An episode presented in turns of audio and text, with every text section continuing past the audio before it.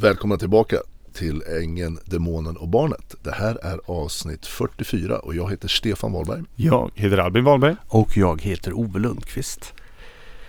Den här gången så tycker jag vi ska prata om eh, konsekvenser och inte vilka konsekvenser som helst. Vi har ju pratat mycket om konsekvenser som har drabbat dig eh, och det har ni ju hört under en längre tid. Men det finns många andra som blir drabbade. Eh, anhöriga, vänner, arbetskamrater. Men också de själva. De som är narcissister eller de som har personlighetsstörning. De som De blir- drabbar någon. Ja, precis. Och de blir ju drabbade. Det kommer tillbaka till dem, så kan man väl säga. Så jag tycker vi börjar med eh, att försöka utveckla den biten. Och du har ju ett ganska bra exempel på hur det kan gå till. Ja, ja, absolut. Och det är ju mitt fall som jag pratar mycket om och som du säger O, så är det ju, vi har pratat väldigt mycket om, eh, om mig och det här med att bli drabbad av en narcissist. Och alla ni som har blivit det känner ju igen er, många av er som lyssnar. Eh, och det är ju som det är och vi har pratat om hur man ska känna igen det här, vad man ska göra åt det och hur man kan hantera sig själv och hur man kan stärka sig själv och sådär. Det är Konsekvenser i många olika liksom, lager. Men sen är det ju det det får ju även konsekvenser för den som utför det, här, den som drabbar, narcissisten eller den personlighetsstörda om man säger så. Mm. Eh, därför att det här är ju en, en det, här, det de gör, det är ofta de kommer till som i det här fallet, i mitt fall med Eva. Och det är henne vi ska koncentrera oss mycket på i Mm. den här podden. Absolut. Liksom hennes perspektiv när det gäller konsekvenser för henne. När hon liksom sätter igång med den här kedjan av händelser som hon gör så, så, så, så, så drar det igång och hela det här egentligen började, det började ju kanske när vi började med vårt förhållande och vi började jobba tillsammans här för hon hade väl antagligen ett dubbelförhållande redan från början. Ja. Men vi kommer till en punkt här där vi är alltså i, på våren 17 där jag bestämmer mig för till slut efter mycket jox eh, som ni har hört, ni som har lyssnat på podden eh, och det har ni gjort. Eh, ni som har kommit så här långt. Och det är att jag tänker att jag måste berätta det här för Daniel. Jag måste, det är det enda sunda att göra. För Mm. jag fick in kontakt med Eva, hon försvann mer och mer. Det vart mer och mer tokigt. Och jag liksom bara kände, och jag hade ju ni vet ju mitt läge där hon stod ju för allt mitt. Så jag var extremt beroende av henne också. Mm. Men hon bara liksom tar ut en helt egen kurs och allt vad det innebär. Så jag säger ju till henne här att eh, Eva, jag kommer, vi pratar i telefon, jag kommer ihåg samtalet. Eh, jag kommer tala med Daniel, jag kommer berätta för honom allting, vad som har hänt, så du vet om det. Och då blir hon alldeles ställd och frågar, men ska du berätta allt? Eller vad ska du berätta? Jag ska berätta allt. Allt säger hon. Ja, jag kommer berätta allt. Så blir hon knäpptyst. Och sen så avslutar vi samtalet. Och efter det har inte jag pratat egentligen, eller egentligen någon gång med Daniel efter det. Han svarar, har aldrig svarat eller någonting. Och där gick ju hon in och förekom mig. Istället Mm. för att jag fick chans att prata med Daniel om det här så berättar ju hon eh, till största sannolikhet allt det här att jag har förgripit mig på henne, det hon har hittat på. Så han ska känna liksom avsky för mig och inte vilja prata med mig. Mm. Eller så säger hon bara efter hon har berättat att jag har varit sexuellt olämplig att du jag vill absolut inte att du pratar med Stefan, det måste du lova mig. Och sånt där. Mm. Och där börjar det ju liksom. Och då får ju jag och Daniel inte någon chans att stämma av. För det hade ju varit rätt sunt och det hade ju varit förödande för Eva. För inte Mm. bara det så hade, att Daniel hade fått reda på vad som hade hänt mellan mig och Eva. Då kan jag ha redovisat vad det jag tänkte göra. Jag tänkte berätta som det var. För jag hade haft under lång tid som sagt dåligt samvete för Daniel. Utan jag hade ju fått, troligtvis fått reda på Mm. också att hon har haft ett förhållande med Daniel.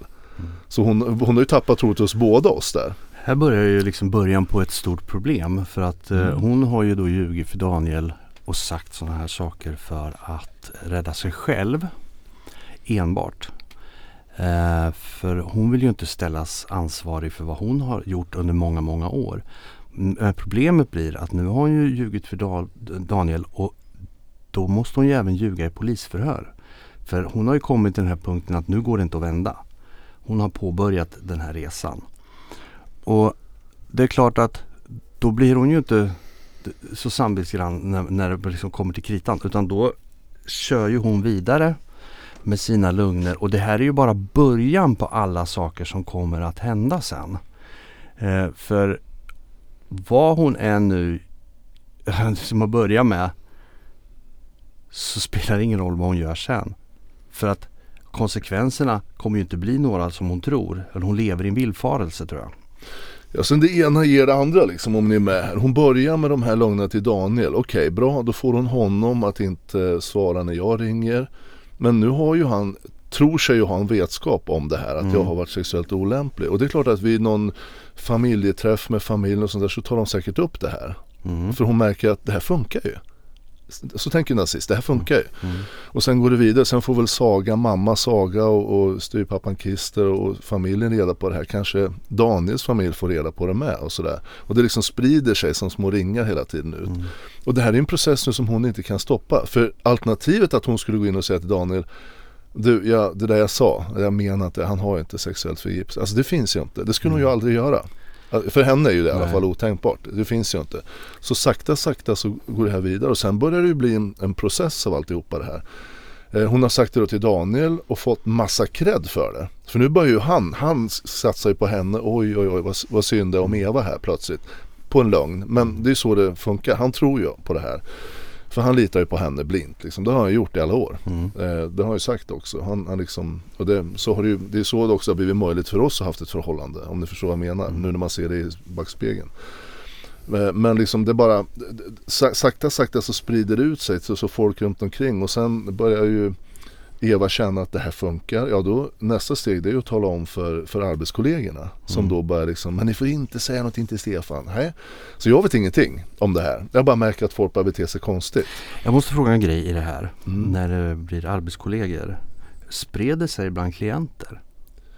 Det vet jag faktiskt inte. Det jag vet är att Eva vid ett rätt tidigt stadie eller ja, tidigt stadie. Vi pratar nu hösten 17 här någonstans till. Vi hade ju två klienter som jobbar på våran gård Ja. i, i Sköllersta här. Och den ena av dem nämnde hon till, eh, för hon tog ett eget initiativ. Hon var ju fiffig. Hon liksom stegvis så började hon ju liksom se, nå, någonstans fick hon ju tips av Bill.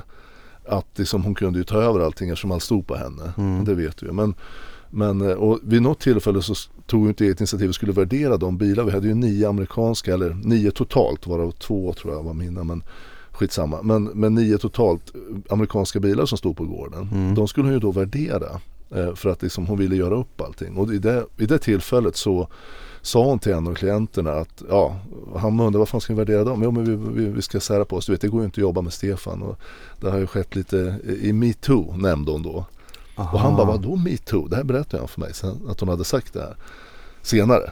Eh, och jag bara metoo. Så, så hon börjar liksom att- bli bekväm med den här lögnen. Mm. Och hon liksom vart väl antagligen bekväm med att men det här går ju. Jag, jag får inga konsekvenser negativt. Kan det det vara blir så bara här positivt. hon har ju liksom då spridit det på, bland personalen i alla fall så det finns ju etablerat Mm. den lugnen. Då gör det ju inget att säga metoo för då säger hon inte riktigt alltihopa. Då Nej. säger de bara nästan, sen får den personen fiska själv och någon annan Mm. säger jo men han Ja. har förgripit sig sexuellt på henne. Och sen är det ju så, jag tror Eva fick en vansinnig boost av att få all den här sympatin. Mm. För att tänk vad Stefan har utsatt henne för. Och du vet, alla som vet om det här, oj hur är det liksom. Tänk hur det ser ut. Och, och är det någon som i verkligheten, de stackarna som i verkligheten blir utsatta, kvinnorna, de ska ju ha hjälp och stöd på alla sätt. Men, och hon fick väl det här. Mm. De märkte ju att shit, här, alla är bredvid med mig mycket, mycket tydligare. Och de tar liksom hennes parti och skjuter bort mig. Och det hade Det ju var, varit väl så. lite, det var väl lite hennes mission. Ja men det var hennes comeback, det var Mm. hennes sätt att flytta fram sin position vansinnigt. För att jag vet jag satt och lyssnade på eh, gamla sägspelare samtal häromdagen, jag har ju så många. Men Ja. den, bland annat så pratade jag med Peder och han vid något tillfälle, och det är, bara, det är bara som det är, det är inte för att jag är så jävla bra, det är inte därför jag säger det. Men där ringde han specifikt för att säga att han hade varit på någon socialtjänst, om det var, jag kommer inte ihåg om det var Mora eller vad det var. Och där de hade eh, specifikt sagt att de hade fått eh, liksom, eh, från klienterna feedback om att Stefan var bra liksom. Mm. Och då han var så jävla bra. Och det är kul att få det. Ja, det, det var inte för att jag är bättre än någon annan på det sättet, ni förstår Nej vad men jag menar. Men, men jag vill bara säga det att Mm. min position var liksom schysst. Den var, Mm. Jag hade bra, jag hade min position och Eva var ju lite mer i skymundan på det sättet att hon skötte mer administrativa och så. Vi kämpar båda två med boendet, inget snack om det. Men, men, men jag var ju med på boendet och så, Mm. så hon kände nog att det här var ett sätt för henne att kliva fram massor och få bort mig liksom. För jag kände, jag började känna mer och mer när det började balla ur att det var från hennes sida var det som någon slags kamp om liksom ja, vem som skulle ha all, Mm. all, alla kontakter och, och hon kom ju väldigt nära, ja, som vi känner till, många av dem som jobbar på Växa på olika sätt. Mm. Både Bill och Micke och Peder och sådär. Och hon var väldigt, väldigt, väldigt mån om det. Mm. Eh, Så, så det här med eh, boost och bekräftelse för en narcissistisk person, en person med den här typen av personlighetsstörning, betyder ju den här boosten massor, massor, massor. För självkänslan är ju så dålig. När, när du pratar om det här Mm. så ser jag en bild framför mig. Första gången jag träffade Eva när, när ni stod i det här garaget, eh. Ja just det, ja. Ja, och hon var, ja, hon var väldigt ny. Hon Ja. hade inte varit hos dig speciellt länge då. Väldigt försiktig, timid tjej. Mm. Som inte, hon, sa, tog inte, hon tog inte för sig någonting. Och det är därför det blir så fruktansvärt. Och Jag har ju träffat henne några gånger efter Mm. det också. Mm. Och hon har varit en väldigt tillbakadragen, trevlig tjej liksom. Inget konstigt. Hon tog inte plats. Nej. Att det blir sån otrolig turnaround. Så hon blir helt annan personlighet. Mm. Jag, jag pratade med några gamla klienter när det var aktuellt och de skojade ju om att hon hade smeknamnet Skuggan på boendet för att hon Just bara det. Jag kan ha nämnt det tidigare Ja. i någon podd men Ja. hon hade det smeknamnet bland klienterna på boendet i alla fall. Mm. För att hon, hon var din Stefan skugga. Eh, var- vart du än gick så följde hon efter och var bara bakom och sa inte någonting. Ja men det, det var lite så. Sen, det får man väl säga att det var. Och, och jag tog ju den rollen med. Hon kunde liksom, sen var det ju, de, de klienterna vi hade var ju en viss eh, klientel. De flesta var jätte, jättebra. Så fanns det väl en och annan liksom lite orolig klient sådär. Men som hon, eh, nej men så var det nog generellt i det. Vi gjorde väldigt mycket även när vi var utomlands och när vi gjorde affärer. Hon, jag har ju sagt det tidigare, det här är normalt sett inget jag, jag tycker om att prata om. Därför jag tycker inte det är speciellt charmigt för en man eller person överhuvudtaget att sätta sig själv i någon slags rum. Men, men jag gjorde ju alla affärer. Mm. Och hon var alltid med. Hon sa, jag vet inte hur många gånger hon sa att Men Stefan jag gör ju ingenting. Ja det har jag berättat det Ja, liksom förr i men- podden. Och, men jag sa det, du kommer att lära dig. Ja. Jag, jag lovar dig, var med bara. Då ser du allting och så får du in alla liksom små varianter på Det blev en liten överraskande vändning kan man väl Det säga. kan man väl säga. Ja. Det kan man väl säga. Hon, hon lärde sig snabbt. Kanske inte från hade dig. riktigt i olika scenarier där. Jag såg framför mig att hon skulle, det skulle ta den här vändningen. Så sagt. Men jag tänker på det här för eh, det som är intressant här, hennes mor blev ju eh, Hon sa väl någon gång till dig, jag kan, jag kan inte gå emot min egen dotter. För, för hon har ju fått alla Det dessa sista hon, samtalet vi hade. Ja precis, hon måste ju för, ha förstått in i märgen att, att Eva ljög och att hon har byggt upp en eh, vad ska jag säga, en värld runt omkring sig som faktiskt inte är sann. Mm. Ja men som sagt, ni vet ju själva. Jag tror det var om det var 15 eller om det var lite in i 16. Men jag tror det var där någonstans. Eller någonstans här är det. Där jag pratade med henne som sagt. Där, där hon varnade mig för Mm. Eva, sin egen dotter. Och nu visste ju inte Saga att vi hade ett förhållande. Men hon såg att vi, vi jobbar ju, var jättenära. Mm. Liksom, vi var ju med varandra varenda dag och reste och, och så bodde ihop och massor. Så hon förstod väl kanske gissar jag. Men, men hon, hon visste ju att den, om den här hemska sidan och ville varna mig för den. Mm. Och så jag tror hon var medveten om det här nästan hela tiden. Mm. Att det här skulle hända. Och till slut så ville hon varna mig. Sen när det händer, ja då, då, liksom, då står hon inte eller man, man kan säga så här, hon är mamma. Hon Mm. är Evas mamma. Och vad gör man som mamma? Man står alltid vid sitt barn. Mm. Så eh, Saga är väl liksom ingen som jag har förväntat mig något annat än att hon ska stå vid Evas sida. Trots att hon vet vem Eva Mm. är. För det har hon ju faktiskt berättat för mig. Så jag Det- behöver inte få mer förklaringar från Om, hennes om vi sida. liksom stannar upp vid henne en liten stund och så försöker tänka oss in i hennes situation. Om vi pratar om konsekvenser. För konsekvensen för henne nu, eller vad ska jag säga, hon är tvungen att ta en konsekvens. Antingen att hon öppnar sig och håller med dig, då tappar hon sin dotter för resten av livet, förmodligen. Eller så får hon ställa sig på sin dotters sida och tappar allt det, men också leva med att hon har förvaltat en lugn och stått för den och stått med Mm. på den. Mm. Det är ju, och då kan man ställa sig frågan Sover hon gott om nätterna? Hon har ju inte rent samvete i alla fall. Nej, det är komplicerat tycker jag när man är förälder till ett barn som beter sig. Jag menar även till kriminella barn, allt möjligt om man är som förälder. Det är fan inte lätt. Alltså, det är verkligen inte det. Och att, jag menar om du aldrig skulle hitta på några saker. Jag skulle ju aldrig liksom skjuta bort dig. Men Nej. jag, det är klart att jag skulle nog agera, eller det är jag övertygad om att jag skulle göra. Om, om det skulle bli något, att du skulle bli så här konkret olämplig och stjäla något från någon på det här sättet. Från någon som faktiskt har varit schysst mot dig i alla år. Om man nu ska försöka tänka sig den situationen. Då skulle jag gå in och säga att det här är fan inte okej. Det här måste vi, vi får hjälpas åt, vi får rätta till det. Då skulle jag nog gå in och verkligen. Mm. Mm. Men det vågar ju inte Saga. Hon, hon, hon känner sin dotter så väl och, och Eva skulle verkligen eh, sluta umgås med henne. Men som sagt, det Saga då, det, det, hon får ju vara kanske symbol. Vi tar henne som lite eh, exempel för de personerna som är runt en sån här Ja, person som precis. Eva. Så, så blir det ju det att hon är, blir också delaktig i det här. För någonstans Mm. så okejar hon det här genom att hon inte säger någonting. Mm. Utan hon bara godkänner allting. Här kommer då Eva hem till henne i sin, som jag sist såg henne satt hon i en, en, en sprillans ny nästan, något år gammal, XC90. Eh, eh, eller så här V90 CC sådär. Mm. Eh, 3 4 5 000 kronors bil. Och hon kommer, hon sitter i sitt hus nu och grejer. Hon har företag på gång. eh, Och Saga sitter med tror jag i styrelsen av flera bolag fortfarande. Mm. Och där någonstans hjälper hon Eva Mm. att hantera mina pengar. Mm. För ni som lyssnar nu, det här är inte Evas pengar, det här är mina pengar. Mm. Och jag har gett henne muntligt hälften en gång i tiden. Mm. Men det låtsas inte Eva om. Alltså så är det mina pengar. Mm. Är ni med? Rent juridiskt sett. Om jag bara kunde bevisa det, vilket jag tycker att jag har gjort. Men jag fick ju inte ta fram bevisning, som ni också vet i rättegången. Men i, Saga här blir ju medskyldig till hela den här soppan. Mm. Eva går omkring nu och leker och sitter i den här podden och leker, eh, vad är det, vad kallar de henne, superentreprenör. Hon är ju en supertjuv. Mm. Det vore bättre att, att kalla den podden för supertjuv. Mm. Vi kanske ska gå in och kopiera podden och lägga ut den igen och kalla den supertjuvens historia. För det är det verkligen. Ja. Det är så mycket blufferi och så mycket felaktigheter i hennes beskrivning där så att det, jag skrattar när jag hör den. Ja. Men, men Saga blir ju då delaktig i det här. Och verkligen boostar det. Och det blir ju det, det blir så här konsekvens åt två håll. Eva gör det här, Saga accepterar det här Mm. och boostar henne tillbaka och bejakar det här. Och då kan ju Eva hålla på ännu mer. Hon stärks ju i att hon har det här stödet runt omkring. Mm. Så där har ju Saga en jättestor liksom, roll. Och dessutom så har vi varit nära vänner jag och Saga. Mm. Vilket jag tänker att, vad fan betyder inte det här någonting? Nej det gör antagligen inte. Och det kanske inte gör det när man pratar om sin dotter. Återigen, det är svårt. Ja. Men, men alltså hon är ju inte oskyldig. Det är jävligt lurigt. Hon har ju en, en, en avgörande roll i det, absolut. Och det här är också, det, konsekvensen är ju från Evas sida det är att hon har ju faktiskt dragit in sin mor i det här. Alltså hon har ju blivit ofrivilligt indragen.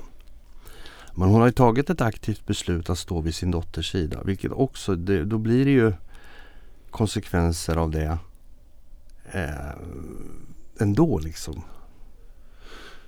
Ja, det, och det är som sagt återigen, vad ska man säga? Jag, tänk, jag tänker nog så här, Saga som är eh, f- f- 50, väl, runt 60. Och hon tänker väl att liksom, ska hon då säga någonting som, som, som hon skulle liksom meddela Eva att hon inte ställer upp på det. Hon tycker inte att det är rätt och sådär. Och Eva blir putt och hör inte av sig. Nej, då missar hon inte bara för att träffa sitt barn Saga utan hon träffar, får träffa sina barnbarn också. Och det är klart att det kanske är priset man inte är beredd att betala. Mm. Och jag, jag, jag säger det, det är svårt och jag har en viss förståelse Jag för har det. också förståelse Ja. för det. Men jag får ju inte träffa mina tjejer nu. Mm. En del på grund av det här. Mm. Inte bara, vi har gjort en skilsmässa också, det har varit liksom bökigt. Men en del av det är faktiskt den här historien och det här tokeriet som Eva har gjort. Som blir okejat på något sätt av mamman. Och det, det har mamman okej med, att jag inte träffar mina Mm. döttrar. Det bryr hon sig inte om. Hon sätter ju det i andra hand och det kanske man gör. Mm. Det kanske blir så. Det är därför det är svårt att, att liksom förvänta sig att Saga ska göra någonting. Jag tänker på, om vi ska hålla oss i den nära relationen då till Eva.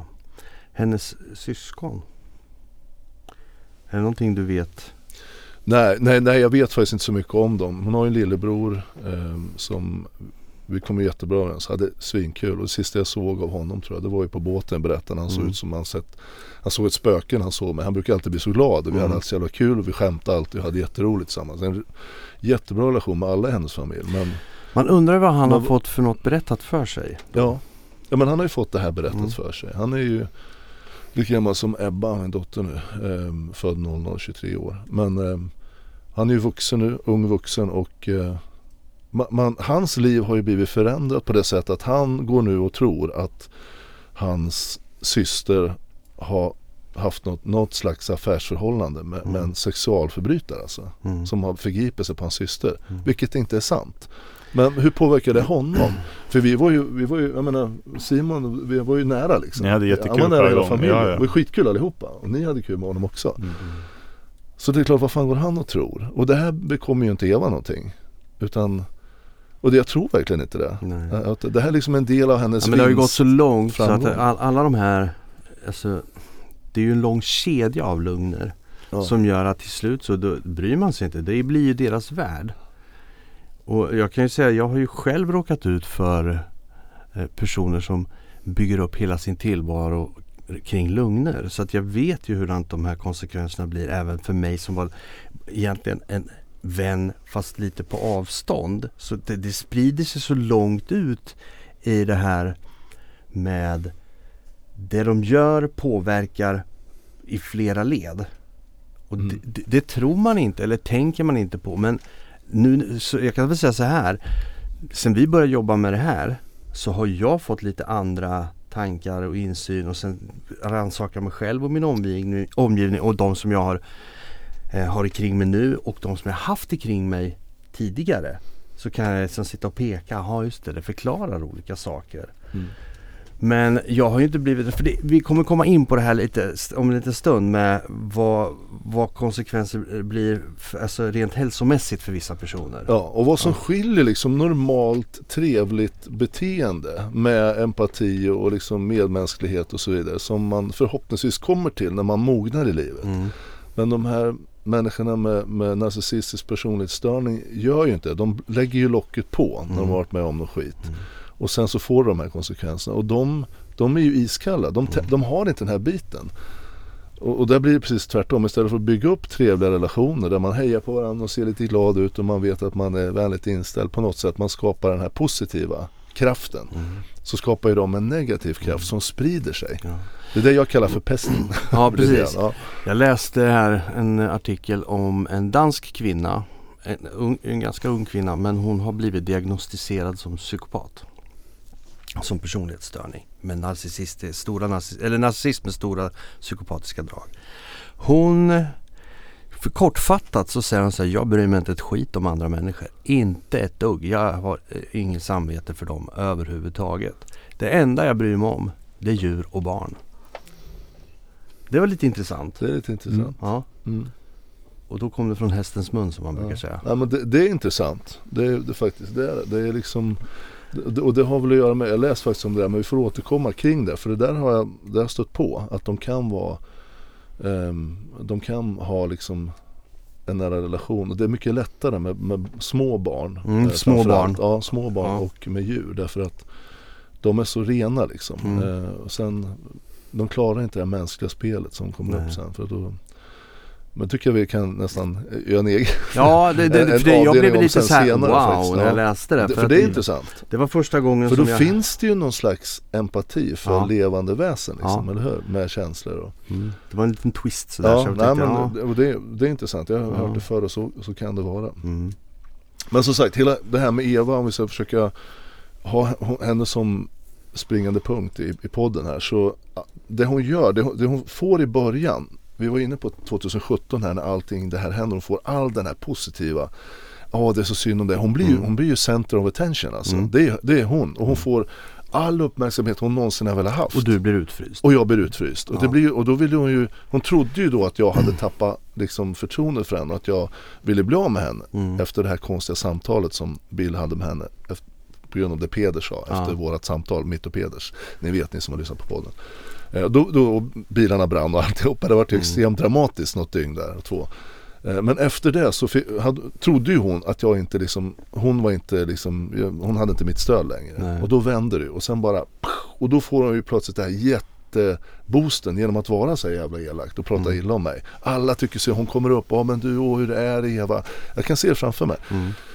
Eh, men det som händer sen över tid, det är ju att saker och ting händer ju i och med att jag är inte den typen som sätter mig ner och rullar tummarna och låser in mig någonstans och super ner mig och sånt Utan jag klurar ju på vad fan jag ska göra. Så det första jag gör så småningom sen när jag förstår att ja, så här är det nu. Mm. Det är att jag säger att jag kommer att stämma er om jag, ni inte gör rätt för er, mm. min del.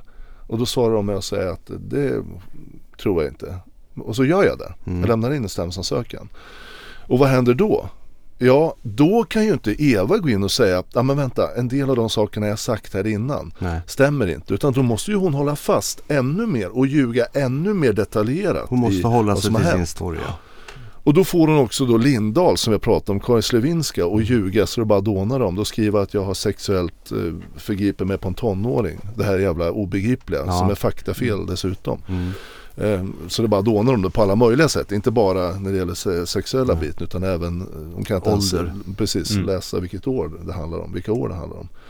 Och sen drar det här igång och blir så stort. Och, och hela tiden här kan ju inte Eva, hon, det finns ju ingenstans, hon, hon kan ju såklart säga att eh, hon, kan ring, hon skulle kunna ringt upp mig för så väl borde hon känna mig. Men i och med att hon, ja men kombination av den typen de är med låg självkänsla så tror inte jag att hon litade på att hon kunde ringa mig. Nej. För när jag har blivit vän med någon, då är jag vän ta mig fan. Alltså det ska mycket till innan man liksom hoppar av. Eh, Men, men hon skulle ju kunna ha bromsat upp och sagt Stefan jag har gjort något jävligt dumt, kan vi lösa det? Och då hade jag 100% sagt, ja men det är klart vi gör det. Vi sätter oss du och jag och sen när du och jag kommer fram till vad vi ska göra så pratar vi en bil och sen gör vi upp det här och sen är vi klara med varandra. Men det gör hon inte utan hon fortsätter ljuga. Och då kallas ju, kallar ju jag in Daniel på, som vittne. Och han då, för jag tänker att han kommer ju vara ärlig. Ja, då sitter han och ljuger i förhör. För han kan ju inte, han, han, jag tror det, när han varit inkallad på som vittne, då trodde han fortfarande att på det här med eh, sexuella övergrepp. Och sen så går det några år innan rättegången kommer upp och jag tror under den tiden så börjar han förstå att fan det här är något som inte stämmer riktigt. Men då när han blir inkallad som vittne i rätten, då har han ju en gång sagt i förhöret att, och så vidare. Och, och det Eva säger då, det får sådana liksom konsekvenser runt omkring hos alla runt henne.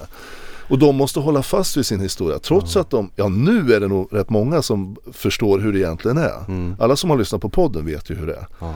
Men du vet, för att någon av dem som är runt omkring henne nu ska gå in och säga att ja, men, alltså, det här stämmer inte. Eller i alla fall till att börja med gå till Eva och säga Eva, vad fan, vad fan, vad fan gjorde du så här för? Eller vad fan, det här, så här kan du inte fortsätta. Du måste göra någonting åt det här.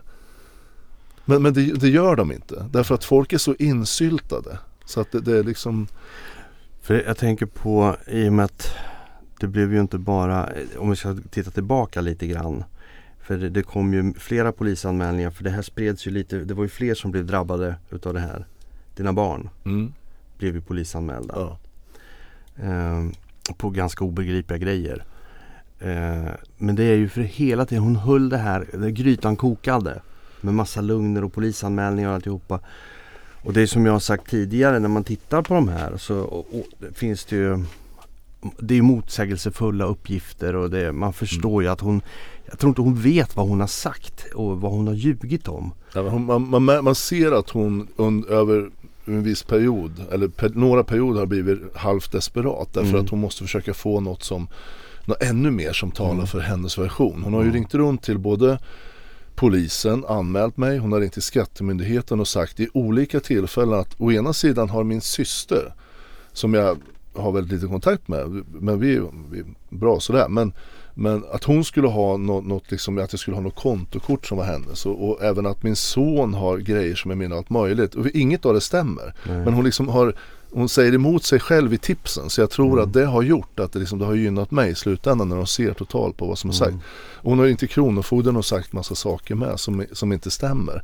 Men hon har gjort det liksom för att hon tror det här. Och då när hon ringer och säger det här för att åsamka mig skada så ser ju de till slut med samlade uppgifterna att fan det, det här är, och jag har ju berättat som det är. Jag har ett, ett galet ex som, som hittar på allt mellan himmel och jord efter mig. Och vid ett tillfälle så sa de på Kronofogden det att ja men vi, vi, vi- vi, vi ser det Stefan, vi ser det liksom. Så, så att någonstans så, och skattemyndigheten myndigheten fattade också till slut.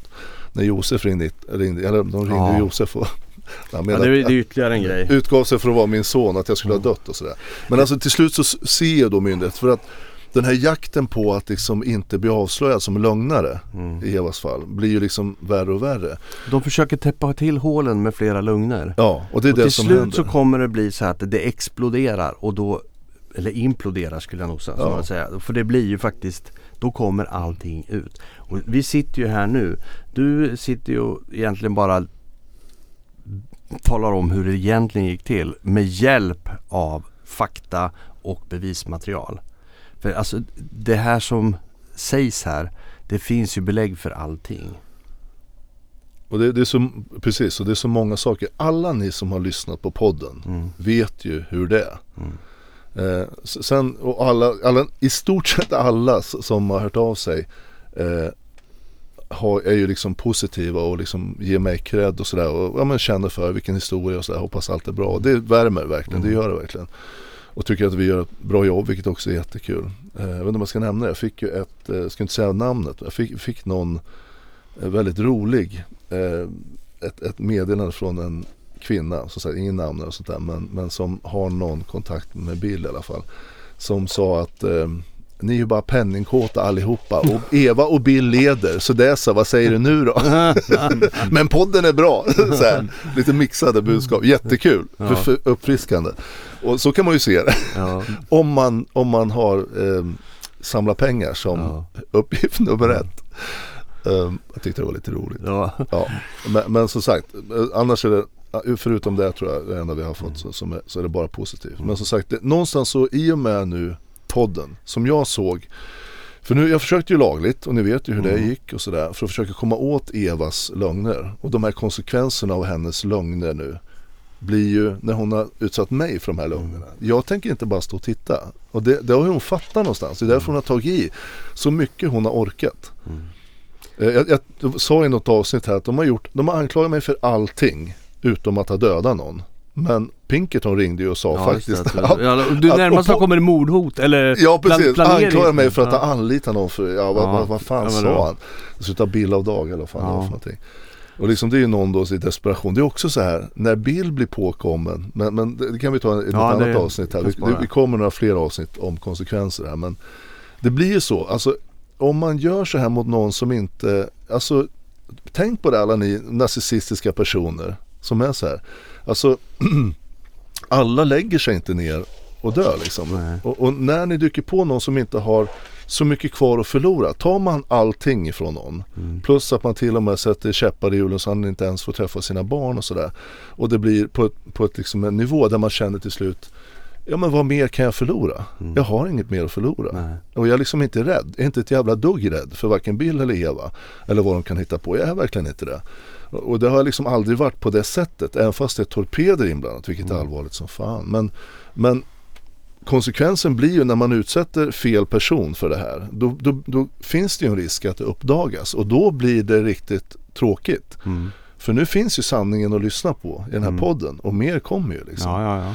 Eh, och för de då som bara förstår runt omkring, vilket vi har ju fått massor med Mm. feedback. Eh, där folk fattar, aha det är ju så här. Här är ju också, jag ska flika in då när det gäller eh, det här med att ha drabbat så många andra. Vi har ju blivit kontaktade av personer som har varit, ja vad ska jag säga, haft samröre med Bill och Eva. Som har blivit drabbade rätt duktigt. Väldigt identiskt. Ja, Ja. faktiskt. Så att det, det, det finns ju folk som står och tycker att det här är riktigt bra och att det äntligen lyfts fram. Mm. Men jag tänkte vi ska ta och kolla lite grann på det som, när vi ändå är inne på ämnet här så det som, den som har drabbat också det är ju faktiskt Daniel. För han har ju blivit drabbad av hennes lugn till att börja med om dig, vad du har gjort. Hur han sen har blivit indragen i att ljuga för Eva. Det är fortfarande en gåta som vi har funderat på. Vad är det som har gjort Mm. att han, vi vet inte det. Vi, kan ba, vi har spekulation, vi har spekula, spekulerat i det liksom men det är ingenting som vi vet. Men vad som händer då för honom, det är, konsekvenserna blir ju följande. Nu kommer podden ut, vi kommer gå in mer om konsekvenserna för Daniel men eh, bara en liten kort. För det har spridit sig så långt så att det går faktiskt ut så att eh, de som tar del av den här som hans kollegor vet ju om det. Så det blir ju Konsekvensen blir ju att han kanske inte har det så himla bra på sin arbetsplats heller. Och vem vet om det pågår utredningar och allt möjligt mot honom. Det vet inte vi. Vi har fått hintar om saker men det är inget vi har fått bekräftat. Nej, och det är sån, sån sak som att eh, det, det är ingen avancerad gissning att det pågår utredning om honom. Eh, och det har ju som sagt, jag, träff, jag pratade med en kollega till honom bara för alldeles nyligen här och som också var med liksom inställningen och då fick jag frågan alltså, var, varför har Daniel gjort det här? Som Mm. att det är nu med ett faktum att det här har ju hänt och det Mm. förstår folk. Det går liksom inte att komma undan. Eh, det är massa skit som har sagt som jag sagt från andra hållet. Mm. Men här har vi visat upp så mycket fakta Mm. runt allting. Och Daniels inblandning. Hur Eva liksom har snärjat in honom Mm. i det här. Och deras relation, relation idag, det har inte jag en aning om. Men Nej. hon har ju dragit in honom på ett fruktansvärt sätt. Och, och det här tänker ju inte Eva på. Hon vill ju bara ha honom Mm. som stöd. Och då råkar han vara polisman och det är ju jätteskönt att ha liksom ett ex Mm. som är polisman. Och det är ju lite status att komma med. Jag frågar, för det vet jag, det kör de mycket med när de bor tillsammans. Jag frågar, det fixar Daniel. Så här, saker som man inte kan fixa. Mm. Vi pratar om uppgifter och sådär. Så hon har ju dragit in honom på ett jävligt oschysst sätt. Nej. Det måste man säga. Men hon har inga problem med det. Men, men bara det Hon- att han det gjorde olagliga sökningar på folk. Ja, bara det. Mm. Som vi har För vem gjorde han det? Mm. Inte för sin egen skull kanske? Nej, Nej. Det var någon annan som ville veta. ja. Och då vill han vara snäll liksom Mm. och ställa upp. Och så gör han fel. Men eh, det, får- det får ju sådana ringar på vattnet det Eva har gjort.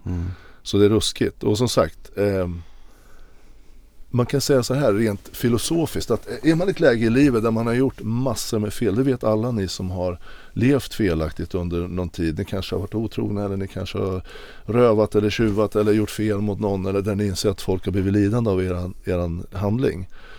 Eh, och för er då som har kommit på att det enda vägen ut där, det är liksom det är att lägga, lägga mig platt och säga som det är Mm. och be om ursäkt och så får du se vilka som står eh, liksom kvar vid din sida. Mm. Och förvånansvärt många gör det Mm. om man lägger allt på bordet. För det är enda sättet. Det finns inget annat sätt. Det enda sättet Eva har framför sig nu det är att fortsätta ljuga ännu mer avancerat. Mm. Hon vet ju att den här podden är ute. Mm. Vi har ju kontakt med folk överallt, bland annat trakterna där de bor och allt möjligt som känner henne. Mm. Alltså alla runt Eva börjar känna till det här. Och de som har lyssnat på podden, alla utom den här jag nämnde, Mm. så, som kanske lite, hon tyckte att podden var bra i och för sig, men tycker liksom, förstår ju att det är ju så här. Mm.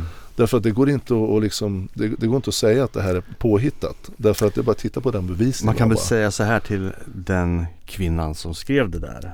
Ja. Egentligen så handlar det inte om att du är penningkåt. Det här handlar ju om att du har blivit drabbad av så mycket saker som har Konsekvensen har blivit att du har blivit av med dina pengar som du Ja. under så lång tid har tjänat ihop och byggt Ja. upp eh, av hårt arbete. Och bara över en natt så var allting borta. Men det är en sak i det hela. Men den stora saken är ju allting som har lett dit och alla lugner och allt efterspel och eh, rättegång och eh, alla lugner framförallt. Mm. Det handlar ju jättemycket om att bara rent få ditt namn i folks ögon. Folk som tror att Ja. du är någon sexualförbrytare som eh, gör det ena och det andra. Och att eh, bör ju tilläggas att eh, den här podden tar väldigt mycket tid att göra. Men eh, än så länge så har vi ju inte tjänat en spänn någon av oss på den. Vi har ett saftigt Eh, minuskonto det räknar vi med att ha framöver också. det, Men, hur, hur penningkåta vi är i och med det här eh, äventyret. Det, än, än så länge har det ju inte gett någon frukt så långt. Nej. Eh, Ja, men så, du, du säger något viktigt. Alltså det är inte hu- huvud, det, det som har hänt när efter vi startade den här podden, för mig. Jag har ju sagt till er att jag är evigt tacksam för att ni vill göra den här tillsammans Mm. med mig. Det är jag verkligen. Jag kan inte ens uttrycka min tacksamhet därför att eh, jag sa att målet från början det har varit att lagt, lägga av mig det här från mina Mm. axlar och jag har verkligen kunnat gjort det Mm. till väldigt, väldigt stor del. Därför att gå och bära på de här vidriga anklagelserna som man, man liksom, det läggs på en och man kan inte göra något åt det. Nej. Och går jag ut och säger att jag har inte gjort det, då tror de att jag är ännu mer skyldig. Mm. Alltså vad fan gör du som man? Vi har pratat om det här tidigare. Mm. Det, är så, det är så jävla vidrigt. Liksom det, det är bara dubbelfel så det bara dånar om det. Det, Alltså, det som är märkligt det är att lögner kan ta sån otrolig fart och få sina vingar och bara och folk tror på det. men de är så duktiga tack Ja. vare att de inte har något samvete Ja. de här typen av människor. Mm. Att de, det bekommer de inte. Jag tror att det krävs tio san- sanningar för att kväva en lögn. Ja, det är mycket möjligt. Ja. Om, du, om du får lägga fram sanningen som man inte får i rätt. Nej precis, det, det, Det, är det ska ju vara Till det och med också. domaren är påverkad. Mm. Eh, Men, men som sagt, nej men det, det, är, det är verkligen så. Så det här med penningkåt, ja man kan dra olika tankar kring det. Penningkåt om man använder det uttrycket. Vi kan säga att vi, vi behöver pengar allihopa. Och Ja. det är så samhället fungerar. alla borde ju att vi vara ska, penningkåta i någon att, utsträckning. att vi ska, Ja. ja. men alltså man gör saker för att få in pengar så vi kan betala mat och Ja. vi kan leva. Det är ju inget snack om det. Och på det sättet är vi väl alla lite penningsugna såklart. Att vi är. Ja. Det är väl inget snack om det.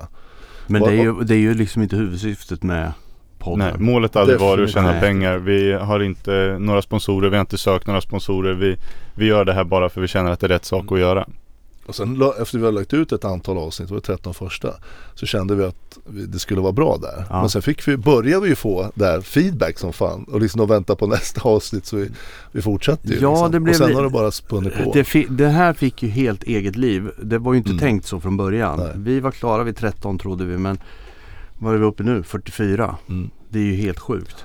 Och det är mycket tack vare våra lyssnare som då hela tiden fyller oss med information och feedback och alltihopa som gör att jaha nu måste vi ta upp det där Mm. också. Det, Mm. det är kul att ni finns Mm. kan jag säga. Ja, Jag, jag, jag kan, om vi ska försöka kika lite för att rappa ihop det här men, men jag kan säga att jag har hört någon gång det här med att har du en, en korg med äpplen, fiskäpplen, Mm. så har du ett ruttet äpple Mm. och inte ta bort det. Mm. Och inte liksom att om man inte noterar det och gör någonting åt det. Då kommer du snart ha en hel rutten äppelkorg väldigt snabbt. Mm. Och de här personerna, det är det jag kallar för pesten. Mm. Och tänk på den här liknelsen. Vad de ställer till med, hur de sprider den här ruttna ruttenheten runt om i alla. Om man tänker nu på Eva som vi har pratat om mycket i den här podden. Hur hon, alltså ingen vet ju hur, vad hon egentligen, eh, hur hon är, vad hon tycker och tänker, vad hon har gjort och sådär. För hon är inte ärlig mot någon. Det är ingen som känner Nej. henne på riktigt. Jag är den enda då som vet om de sakerna hon pratar om som har hänt mellan oss. Mm. Men, men det, det vet ju inte de andra. Nej. De har ju bara två helt olika versioner. Nu som sagt är det många som börjar få upp ögonen efter podden. Efter mycket om och men. Det är som du säger, tio sanningar eventuellt kanske Mm. eh, rättar upp en lögn. Ja men hon har ju alltså under ganska många år spridit lögner kring dig där du inte haft en möjlighet att kunna försvara dig. Så hon har ju, vad ska jag säga, haft fördelen av eh, tiden Mm. som hon har kunnat gjort det. Du började först för ett år sedan att börja gå tillbaka och försvara dig. Jag måste säga rent Ja, ordentligt. ja, men så är det. Ja, men jag har gått och lurat på hur, om det finns någonting jag kan göra och tänkte Men- mm, ja det här är Men, det. men då, och då sitter du ensam. Från början så hade vi inga lyssnare överhuvudtaget kan man väl säga. Vi visste ju ingenting. Nej, Och sen så helt plötsligt så har det, det har ju gått i skov det här att det, det bara ökar och ökar och ökar. men då har vi ju tusentals lyssnare varje dag, varje dygn. Vi har en, en, en maskot i studion här, jag ska uttrycka oss lite, lite snyggt. En maskot i studion som heter Brutus. Mm. Som har Han har blivit lite lättare på luft. Ja, han har nog ätit lite gröna ägg. Eller någonting. Eller något. Men, men, men, men som sagt, ehm, det här sprider sig och sen avslutar Eva med i varje grupp hon säger de här lögnerna så avslutar de med Ni får inte prata med Stefan, han är galen och jag vill inte, jag är rädd för honom, han, är, han får inte veta det här. Och då skrämmer hon upp människor så de vågar inte prata med mig heller. Och ännu mindre fråga mig det hur är det egentligen det. Hon har är. ju liksom sagt att du är, inte bara att du förgriper sexuellt, du har ju också varit våldsam eller hotfull. Ja precis, det Ja. också. Och, där, Och du- alla ni som Mm. någonsin har känt mig som den här podden, har ni någonsin sett mig vara våldsam eller, eller på något Hotfull? sätt Nej. hotfull? Nej, Jag, har känt dig länge. Jag har aldrig sett dig. Jag har sett dig bli irriterad, alltså på gränsen till arg en gång. Men det var fast med det är inte, går knappt under benämningen arg. Nej. Nej. Ja. Jag tänker att vi eh, knyter ihop den här säcken idag och så får vi återkomma med fler avsnitt för att det finns fler eh, personer runt omkring där konsekvenserna blir ganska stora Mm. för fler än bara en person. Mm.